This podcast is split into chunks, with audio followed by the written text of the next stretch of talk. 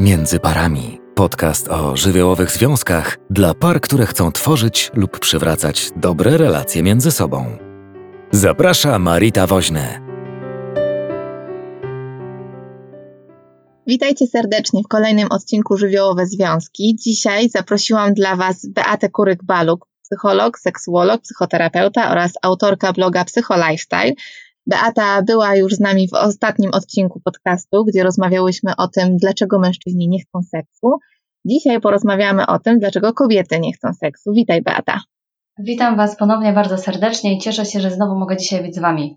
Świetnie. E, tylko dopowiem e, mniej więcej o czym będziemy dzisiaj rozmawiać, czyli czego dowiedzą się nasi słuchacze z tego podcastu, między innymi tego, czym jest seksualność dla kobiety, z jakimi problemami seksualnymi borykają się kobiety i co można z tym zrobić, jaki wpływ mają te problemy na parę, co to są zaburzenia libido, czy masturbacja może pomóc, jak zaprzyjaźnić się ze swoją seksualnością oraz jak partnerzy mogą wspierać swoje kobiety w odkrywaniu ich seksualności. Zacznijmy od samego początku. Czym jest seksualność dla kobiety? Seksualność dla kobiety to z jednej strony jej kobiecość, seksapil, to jest właśnie to wszystko, co jest związane z cielesnością, ale też samym sposobem myślenia o sobie jako o istocie seksualnej. Z drugiej strony możemy to odnieść oczywiście do seksu, który dla kobiety, podkreślę, jest najczęściej dopełnieniem właśnie tej relacji. Mhm. Z jakimi problemami w sferze seksualnej mierzą się najczęściej kobiety? Najczęściej kobiety przychodzą do seksuologa z zaburzeniami libido. Kobiety tracą na seks, ochotę i z tym najczęściej właśnie przychodzą, ponieważ jest im trudno wejść na kolejne etapy cieszenia się ze swojej seksualności. Ponieważ jak już dochodzi do zaburzenia libido, no to nie ma zbliżenia, więc nie ma orgazmu. Tak? Czyli te zaburzenia libido będą najczęstszymi też ogólnie statystycznie, ponieważ dane pokazują, że co czwarta kobieta ma właśnie problemy z libido. Czyli raz, dwa, trzy, cztery i ta czwarta, mhm. tak, będzie to ta osoba, która statystycznie będzie miała zaburzenia libido. Mhm. A czym to zaburzenie libido jest? Jak to odróżnić od takiej y, naturalnej niechęci czy braku ochoty do seksu? Zaburzenia libido możemy, tak prosto rzecz ujmując, inaczej określić, że jest to spadek ochoty na seks, czy inaczej zmniejszenie tej potrzeby seksualnej. Przypomnę, że o zaburzeniu mówimy wtedy, kiedy trwa ono powyżej 6 miesięcy, tak, i nie wynika ono z żadnych innych chorób i zaburzeń. Ale też przede wszystkim, kiedy przestajemy tak naprawdę cieszyć się tą swoją seksualnością. Co do tego libido, to też jest bardzo ważne, e, że kiedy kobieta odczuwa spadek tej potrzeby i to, że właśnie przez to, że tej potrzeby jest mniej, zaczyna odczuwać dyskomfort, to wtedy jej jakość życia ulega pogorszeniu, czyli też ulega pogorszeniu jakość życia seksualnego. Mhm. E, skąd się biorą zaburzenia libido u kobiet? Najczęściej jest to tło psychogenne, tak? Ale ogólnie należy podkreślić, że seksualność jest bardzo wrażliwą sferą. W różnych zaburzeniach, czy to psychicznych, czy zaburzeniach somatycznych, to właśnie ona nie będzie wtedy funkcjonowała prawidłowo. Na przykład w depresji. Tak jako jedno z kryterium rozpoznania tejże depresji jest przecież zaburzenie libido. Albo na przykład przy zwykłym przeziębieniu czy osłabieniu, to również ta ochota na seks przecież nie jest taka sama jak w pełnym zdrowiu. Mhm. Tak, co do tego tła w ogóle psychogennego, to chodzi tutaj o to, o taką przyczynę, która siedzi w głowie. Jako przykład mogę podać jedną z moich pacjentek, która właśnie zareagowała obniżeniem libido wtórnie do pogarszającej się relacji między nią a mężem. Mhm. Mąż coraz więcej czasu spędzał w pracy, albo w ogóle jak wracał, to mało z nią rozmawiał, nie pytał, co u niej słychać, w ogóle jak minął dzień. I kobieta zaczęła reagować coraz mniejszą ochotą na seks, a w ogóle finalnie przestała mieć w ogóle tą ochotę na seks. Mhm. Z czego to wynikało? No wynikało to z tego, że ona w tej relacji przestała czuć się bezpiecznie.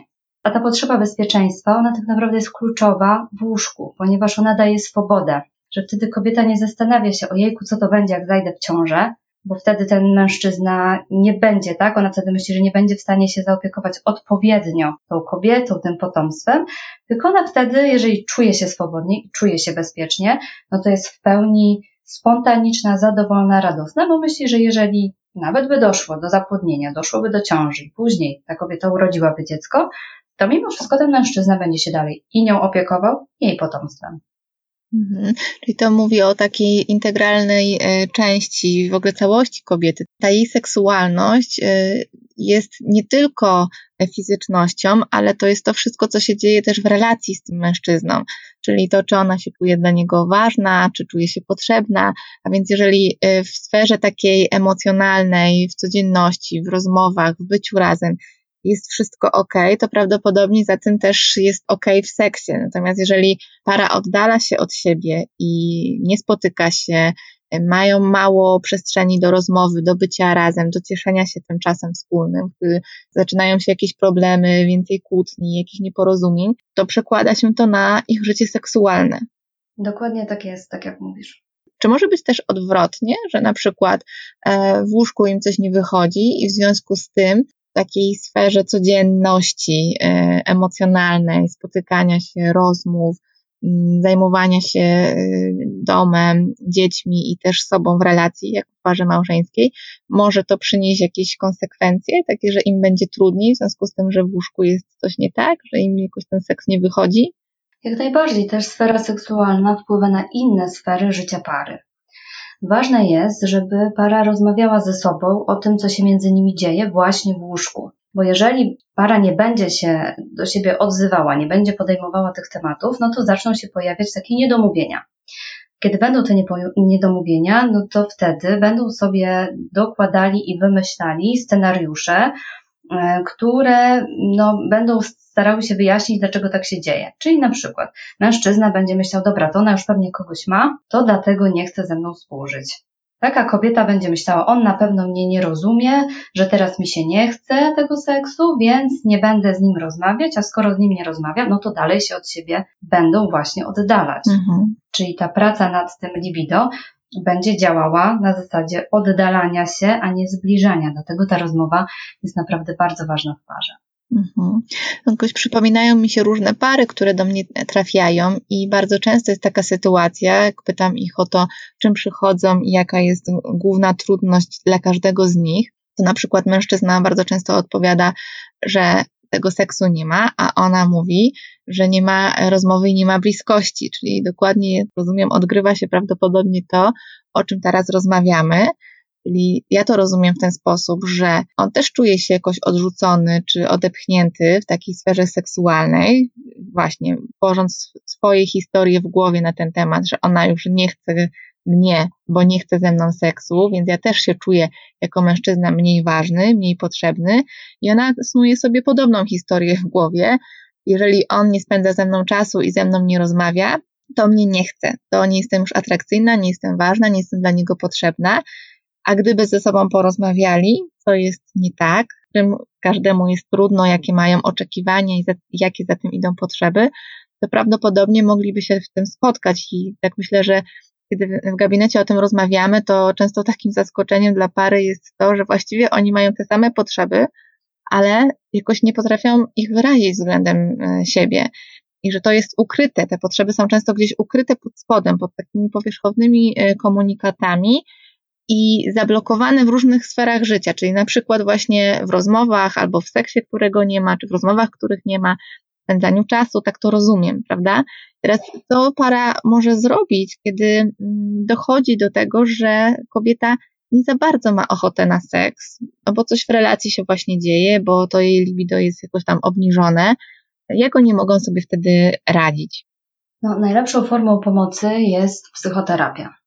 I do tego naprawdę zachęcam, żeby korzystać z tej profesjonalnej pomocy psychoterapeuty, seksuologa.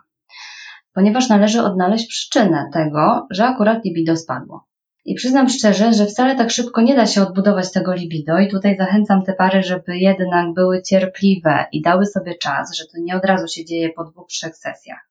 I też teraz zaznaczę, że czym innym jest spadek libido właśnie w związku, tak, gdzie poza związkiem jest chęć uprawiania tego seksu z innym partnerem, partnerką, to jest wtedy problem w parze. Tak, i szukamy w tym obszarze przyczyny, dlaczego tak się dzieje, co w tej parze się zmieniło, e, tak jak już mówiłaś o tych blokowanych potrzebach, jakie są te potrzeby blokowane w kontekście tej relacji.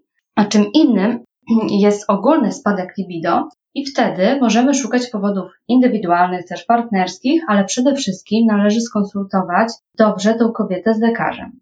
Bo osłabienie libido może występować w różnych zaburzeniach, przykład hormonalnych, w ogóle przy terapii hormonalnej, w chorobie tarczycy, w zaburzeniach psychicznych. Mm, w ogóle pytałaś też, co można z tym zrobić. Mhm. E, I tutaj za profesorem Sylwem Starowiczem powiem, że dobrze by było, i do tego zachęcam, żeby zajrzeć do filmów erotycznych. I tutaj podkreślam również nie do filmów porno, a do filmów erotycznych. E, ponieważ filmy erotyczne mają jakąś tam fabułę i dodatkowo jest ten wątek seksualności, natomiast filmy porno no to są zupełnie nastawione na seks, tak? I tam żadnej fabuły nie ma. Poza filmami, na przykład fajnie byłoby się przyjrzeć, e, przyjrzeć temu, jakie role kobieta pełni i w jakich jest na ile procent. Tak na przykład, na ile jest e, w niej matki, ile, ile żony, ile kochanki. Bo może się okazać, że na przykład rola matki to teraz 99%, a 1% to rola żony i okazuje się, że w ogóle nie ma roli kochanki. Mhm. I wtedy kolejny etap byłby taki, no to teraz się zastanowię, co ja takiego mogę zrobić, żeby tej roli kochanki było więcej, z czego ja może mogę zrezygnować, na przykład w roli żony i w roli matki, żebym mogła bardziej się realizować w roli kochanki. Mhm.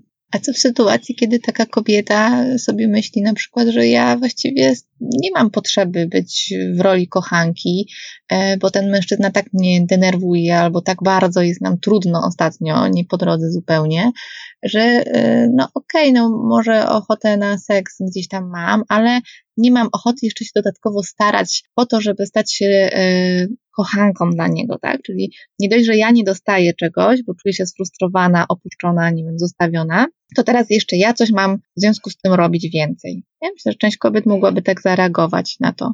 Yy, dlatego jest to praca w parze. I do tego zachęcam, że nawet jeżeli kobieta zastanawia się, na ile jest w określonych rolach, to właśnie warto by było zrobić też to wspólnie ze swoim partnerem. Bo mogłoby się okazać wtedy, że na przykład jest w roli matki, no powiedzmy na te 99%, które powiedziałam, ponieważ mężczyzna realizuje się raptem na 5% w roli ojca. A jeżeli ten mężczyzna wziąłby więcej na siebie tych obowiązków związanych z tacierzyństwem, tak wszedłby w tą rolę ojca bardziej, no to wtedy odciążyłby tą kobietę z tych obowiązków i wtedy ona mogłaby bardziej i więcej być w tej roli kochanki. Mhm. Przychodzą mi zaraz do głowy e, takie momenty w życiu pary, gdzie to bycie mamą i tatą staje się szczególnie intensywne. Czyli myślę tutaj o pojawieniu się dziecka w parze. Wtedy to jest okres, kiedy ten seks nie u wszystkich, ale u wielu par albo u znaczącej większości par gdzieś staje się tematem pobocznym i w efekcie okazuje się, że no, budzi mnóstwo frustracji u jednej bądź u drugiej strony, ale zwykle to jest taki moment, kiedy no mama jest y, bardzo blisko z dzieckiem i przestaje być tą kochanką. Jak myślisz, jak może para sobie radzić w tym okresie? Y, no bo to jest jakby jakiś moment w ich życiu, który jasny minie, no ale trzeba go gdzieś tam przetrwać. Co, co można zrobić wtedy, żeby sobie poradzić w takim sensie, żeby się nie oddalić za bardzo od siebie?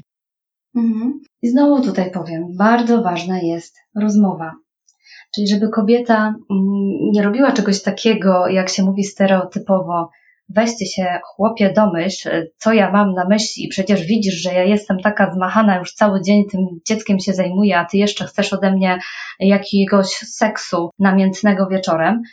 No bo mężczyzna raczej się nie domyśli należałoby mu powiedzieć o swoim zmęczeniu, o swoich wysiłkach, o swoich potrzebach, tak, na ten moment, że te potrzeby są inne, że ten rozkład tych potrzeb jest inny, że ta potrzeba seksualna jest w mniejszym teraz nasileniu i że właśnie kobieta oczekuje wyrozumiałości, bo to jest przejściowe i to jest tylko na pewnym etapie.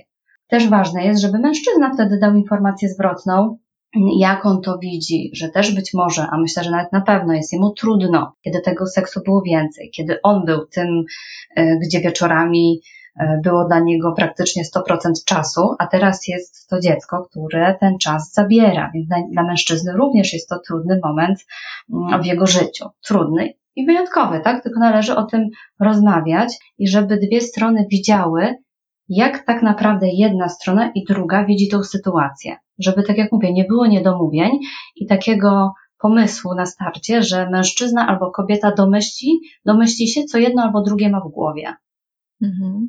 Tutaj bym chciała odesłać też do mojego podcastu Seksualność po pojawieniu się dziecka, bo tam ten temat y, szerzej y, omówiłam, bo on wydaje mi się jakoś bardzo istotny, ale żeby też trochę tutaj dopowiedzieć do tego, co ty powiedziałaś, to pomyślałam sobie, że to jest też taki moment, w którym trudno na, polegać na takim spontanicznym seksie, bo kiedy pojawia się dziecko, no to nie ma trochę miejsca już na to, bo wszystko wokół niego się kręci i jego potrzeby zaczynają być najważniejsze. Że to jest chyba taki moment, o którym też mówi Esther Perel e, w swoich książkach i, i wystąpieniach.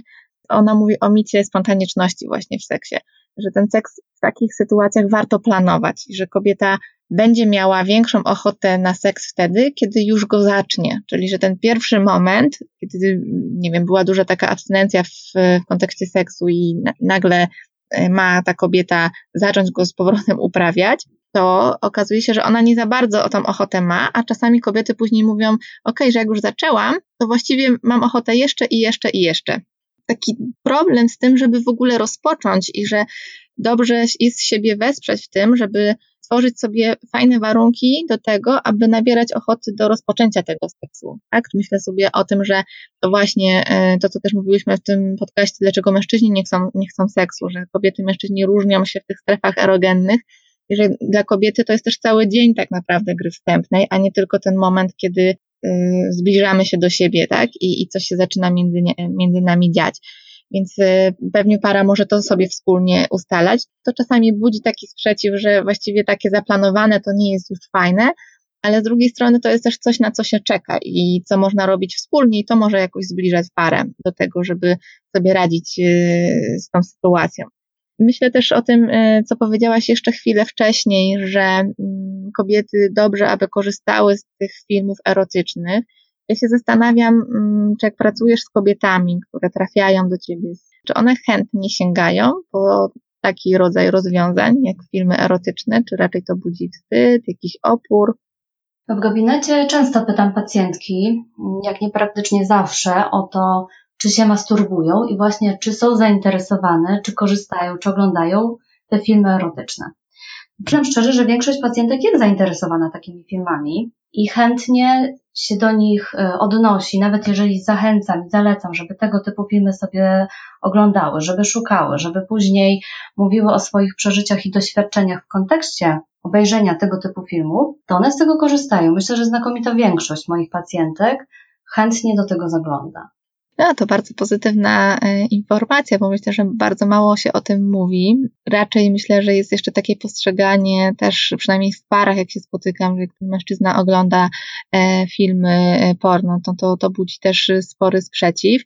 Mm, no, kiedy się pracuje indywidualnie, to trochę jest inaczej, ale jednak mam poczucie, że bardzo mało mówi się o masturbacji kobiet jednak że mężczyznom jest trochę łatwiej w tym obszarze, a dla kobiet jest to ciągle taki temat e, wstydliwy, a już na pewno wstydliwy e, do poruszania gdzieś tam w parze, czy do szukania jakichś swoich sfer, które są mm, sferami budzącymi przyjemność i o których można partnerowi mówić. Temat masturbacji jest poruszany w gabinecie, ponieważ e, masturbacja jest bardzo ważna, żeby kobieta masturbowała się, żeby kobieta poznawała swoje sfery, żeby poznawała swoje ciało, swoją cielesność. W kolejnym etapie właśnie zaleca się, żeby kobieta pokazywała mężczyźnie, jakie obszary są dla niej ważne, jakie obszary dotykane sprawiają jej przyjemność i jak mężczyzna ją dotyka w taki sposób. Mhm. Dlatego też tą masturbację praktykuje się i w gabinecie, jak ja to mówię, u seksuologa, zalecamy i edukujemy pacjentki, żeby korzystały wspólnie z mężczyzną z tego typu technik.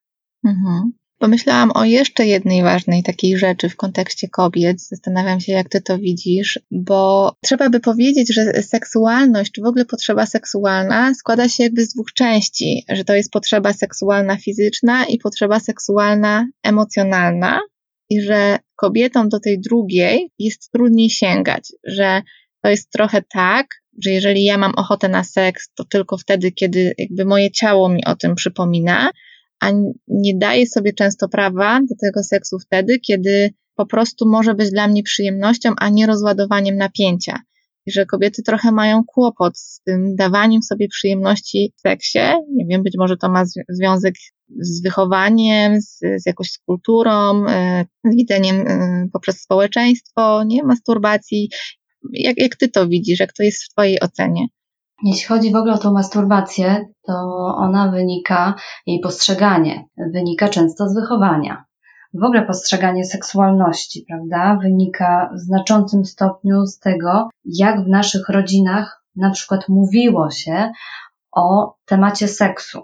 Więc na przykład, jeżeli te kobiety nasłuchały się, że seks nie istnieje, masturbacja nie istnieje, że masturbacja to coś grzesznego, strasznego, e, wstydliwego, no to one później nie dają sobie takiego prawa do tego, że to może być coś fajnego, ponieważ ich przekonania na temat masturbacji są grzeszne, złe, chore, mm, w ogóle czasami nie istnieją.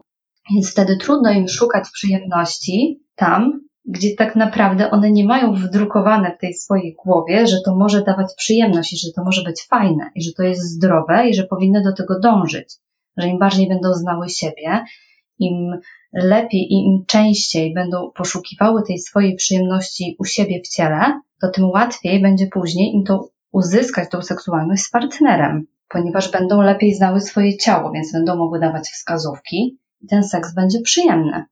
Mhm. Czyli więc, żeby mogły to robić, najpierw muszą zajrzeć do swoich przekonań, które mają w głowie na temat seksualności swojej własnej, i pracować nad tymi przekonaniami, żeby móc później sięgać po przyjemność, że to jest chyba taki kierunek wtedy ich pracy, który, y, i to pewnie jest obszar, może jakiś wycinek, który nie do końca jest związany już z partnerem. Tak, to jest właśnie ten element, y, który dotyczy już bezpośrednio danej kobiety, który wynika z jej historii życia, z jej wychowania. I tutaj odnosimy się w kwestii tych przekonań właśnie do psychoterapii poznawczo-behawioralnej którym podejściu ja właśnie pracuję z moimi pacjentkami. Mhm. Co poradziłabyś kobietom, by mogły się bardziej zaprzyjaźnić ze swoją seksualnością? No trochę mówisz już o tym między słowami, że to jest właśnie między innymi ta masturbacja, prawda? Sięganie do tych filmów erotycznych. Czy jest coś jeszcze, co może im się pomóc oswoić z tym, nie? ze swoją kobiecością, seksualnością? Ogólne zalecenia są takie jak odpoczynek, zbilansowana dieta, aktywność fizyczna, regularne badania kontrolne. No właśnie, ale oprócz tego, to co już mówiłam wcześniej, bardzo ważne jest poznawanie swojego ciała, czyli poprzez oglądanie siebie w lustrze, swoich narządów płciowych, poprzez właśnie masturbację. I też warto razem z partnerem na przykład położyć się obok siebie, wziąć rękę tego mężczyzny, pokazać, jakie sfery są ważne, których dotykanie sprawia przyjemność kobiecie przez mężczyznę, ale przez samą siebie. Czyli takie odkrywanie swojego ciała, praca ze swoim ciałem, ze swoją cielesnością. A mówisz też o mężczyźnie i zastanawiam się, co y, mógłby taki mężczyzna robić, jakie jest jego zadanie w tym wspieraniu swojej partnerki w odkrywaniu seksualności. Poza oczywiście takim właśnie mm, towarzyszeniem jej w trakcie, co, co pewnie będzie jakoś dla niego przyjemne, E, jakby wyłączyć na chwilę ten akt y, seksualny, nie? co jeszcze ten mężczyzna może zrobić, żeby jej w tym pomóc? Moi drodzy panowie, przede wszystkim rozmawiajcie ze swoimi kobietami. Pytajcie, jak ta kobieta w danym momencie się czuje. Nie zakładajcie swojej wersji wydarzeń, tak jak już mówiłam, że ty to na pewno masz innego faceta na boku, dlatego nie chcesz ze mną współżyć. Starajcie się wspólnie dojść do jakiegoś porozumienia. Zachęcajcie te kobiety, rozgrzewajcie. No a wtedy jest ogromna szansa, że poprzez taką pracę też na relacji, to libido waszej kobiety będzie coraz większe. Ta kobieta będzie, będzie chciała częściej i więcej współżyć. Mhm. Czyli poprzez dotykanie jego wrażliwych części, ale też takich rzeczy, które niekoniecznie sprawiają mu przyjemność, jak na przykład długa rozmowa na jakiś temat, nie? To jest też często, że mężczyźni czują, że czasem są zalewani przez kobiety tym.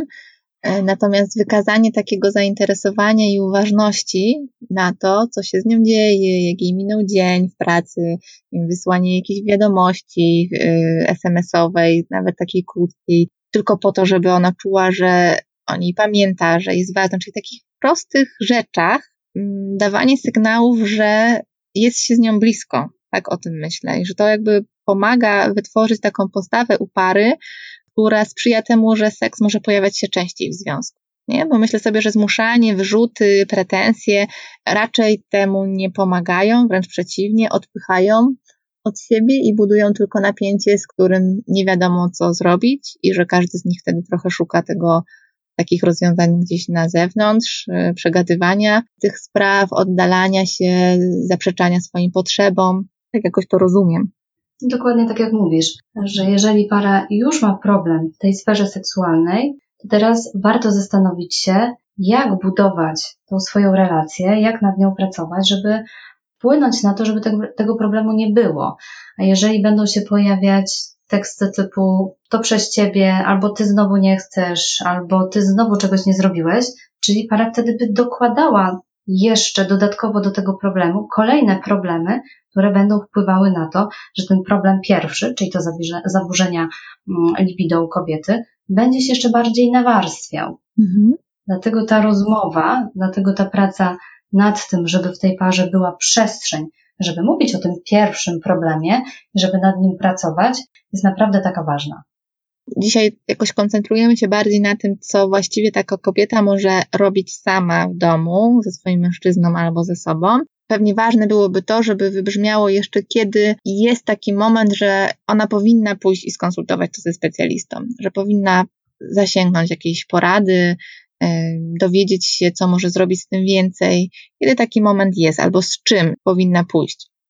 Jeżeli kobieta zawsze miała ochotę na seks raz w tygodniu i to jej wystarczało i ogólnie czuła się z tym dobrze, a na przykład teraz spotkała partnera, który chciałby codziennie, tak, to jedyne, co można wtedy zrobić, to rozmawiać ze sobą i zachęcić do tego, żeby ustalić jedno i drugie, my jako specjaliści, zachęcać ich do tego, żeby oni wspólnie ustalili, Mm, jaka jest możliwa, nie wiem, ilość tych zbliżeń, jak oni to widzą, na co, na co są w stanie się wzajemnie zgodzić.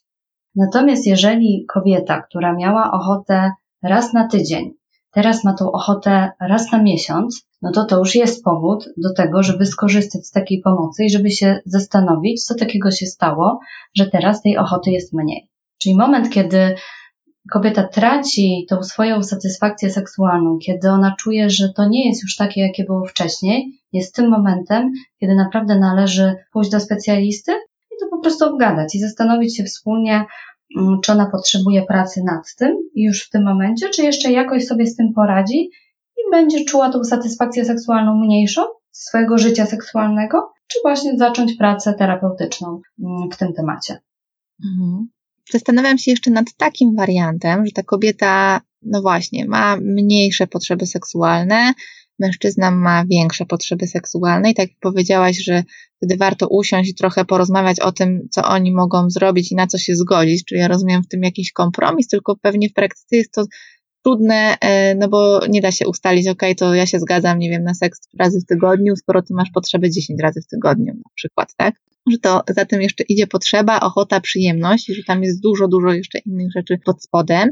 Ale tak jak rozmawiam z parami, czasami to jest też otwarcie właśnie tematu chociażby masturbacji, który też tutaj poruszyłyśmy, e, jaki e, stosunek ma każdy z tych partnerów do tej masturbacji, bo czasem kobieta mówi, ja seksu nie chcę, ale on masturbacji też nie może używać. Nie? I zaczyna się e, kłopot, no, co ten mężczyzna z tym napięciem ma zrobić, albo w drugą stronę, tak? Równie dobrze to może dotyczyć kobiet, że ten mężczyzna nie, nie zgadza się na to, żeby kobieta e, masturbowała się, bo przeżywa to jako pewien rodzaj zdrady i że to jest chyba też ważny kawałek do tego, żeby się pozastanawiać, jeżeli mamy różne potrzeby seksualne, to które z nich możemy realizować razem w parze, a które możemy realizować w obszarze naszego związku, ale samodzielnie. Tak? I co jest przekroczeniem, co nie jest przekroczeniem, gdzie my możemy wchodzić do siebie, do tych światów, a gdzie nie, no bo myślę sobie, że wtedy tworzy się taka sytuacja trochę, kiedy mm, jeden z partnerów ma większe potrzeby seksualne, no to albo będzie okłamywał, tak, no, tą partnerkę, bo dzisiaj mówimy o kobietach, on może okłamywać ją, że nie masturbuje się, nie ogląda filmów porno, a jednocześnie zgadza się na to, że ona tego seksu chce raz na dwa miesiące, no to wydaje się to taka mało prawdopodobna sytuacja, e, że jest w tym mm, jakaś prawda, bo nasze potrzeby seksualne są takimi pierwotnymi potrzebami. Potrzeba seksualna jest potrzebą podstawową, tak samo jak jedzenie, spanie. Więc tutaj trudno dyskutować o tym, że jej może nie być. Ona jest i powinna być, tylko może się tak zadziać, że z jakiegoś powodu dana osoba nie odczuwa tej potrzeby, czyli jest ona zblokowana. I odnosząc się do tego, co Ty powiedziałaś, Marita, to właśnie ważne jest, żeby para rozmawiała, w jaki sposób każda z nich może zrealizować w obrębie tej pary te potrzeby seksualne w takim zakresie, jak potrzebuje, w jakiej innej formie może do tego dotrzeć. Mhm. No tak, bo to ważne, żeby powiedzieć, że ta potrzeba seksualna to nie jest tylko penetracja, ale to są też różne pieszczoty, które pełnią taką funkcję, że nie oddalamy się od siebie, jesteśmy blisko, ale y, no ja mogę raz zaspokajać ciebie, a raz możesz ty zaspokajać mnie, tak? Że to nie musi y, zawsze dochodzić do y, takiego seksu, który gdzieś tam rozumiemy potocznie, prawda? Dokładnie. Czyli też rozmawiamy z parą i zachęcamy do różnych form seksu, że może być to też seks oralny, może to być wzajemne stymulowanie swoich narządów, tak? Może to być masturbowanie się jedno przy drugim, pobudzanie siebie w różny sposób. To już kwestia tego, co kto potrzebuje i w jaki sposób chciałby realizować te potrzeby, które ma. Mhm. Myślę, że dużo rzeczy tutaj dzisiaj padło. E, czy jest jeszcze coś, co myślisz, że warto byłoby dodać, podkreślić, zaznaczyć na koniec? Myślę, że takie kluczowe do zapamiętania i dla wszystkich jest to, że właśnie seksualność, która dzieje się w parze, jeżeli pojawia się problem, to on również dotyczy pary. Żeby mężczyzna był z kobietą i wspierał tą kobietę w momencie, kiedy na przykład pojawi się to zaburzenie libido, ale też w drugą stronę, w kontekście tego poprzedniego podcastu. Jeżeli kobieta widzi, że mężczyzna ma problem w obszarze swojej seksualności, to żeby również towarzyszyła i wspierała tego mężczyznę. I wtedy wspólnie mogą zbudować coś fajnego, mogą później wspólnie cieszyć się tak naprawdę swoją seksualnością, no i żyć w pełni tak, tej satysfakcji seksualnej. Mhm. Kojarzy mi się to z tym, że oni są teraz drużyną i grają do jednej bramki, tak? Więc muszą sobie pomagać, wspierać i wypracowywać różne strategie, które do tego będą prowadzić, do tego celu. Dokładnie, świetnie to podsumowałaś. Bardzo Ci dziękuję za dzisiejszą rozmowę. E, była dla mnie bardzo owocna i myślę, że bardzo potrzebna też. Dużo rzeczy takich wybrzmiało, które gdzieś jeszcze są takimi tematami tabu, jakby nie patrzeć. Więc dziękuję Ci za podzielenie się tą wiedzą i, i dzisiejszy e, materiał. Również bardzo dziękuję za to, że mnie zaprosiłaś do współpracy. Było mi bardzo miło odpowiadać na te e, pytania i mam nadzieję, że jeżeli jeszcze będą jakieś pytania Twoich słuchaczy, to zachęcam i do pytań przez mojego bloga i również przez Twojego. Mm, postaramy się na nie e, odpowiedzieć i udzielić wszelkich informacji mm, dla Twoich słuchaczy. Bardzo dziękuję.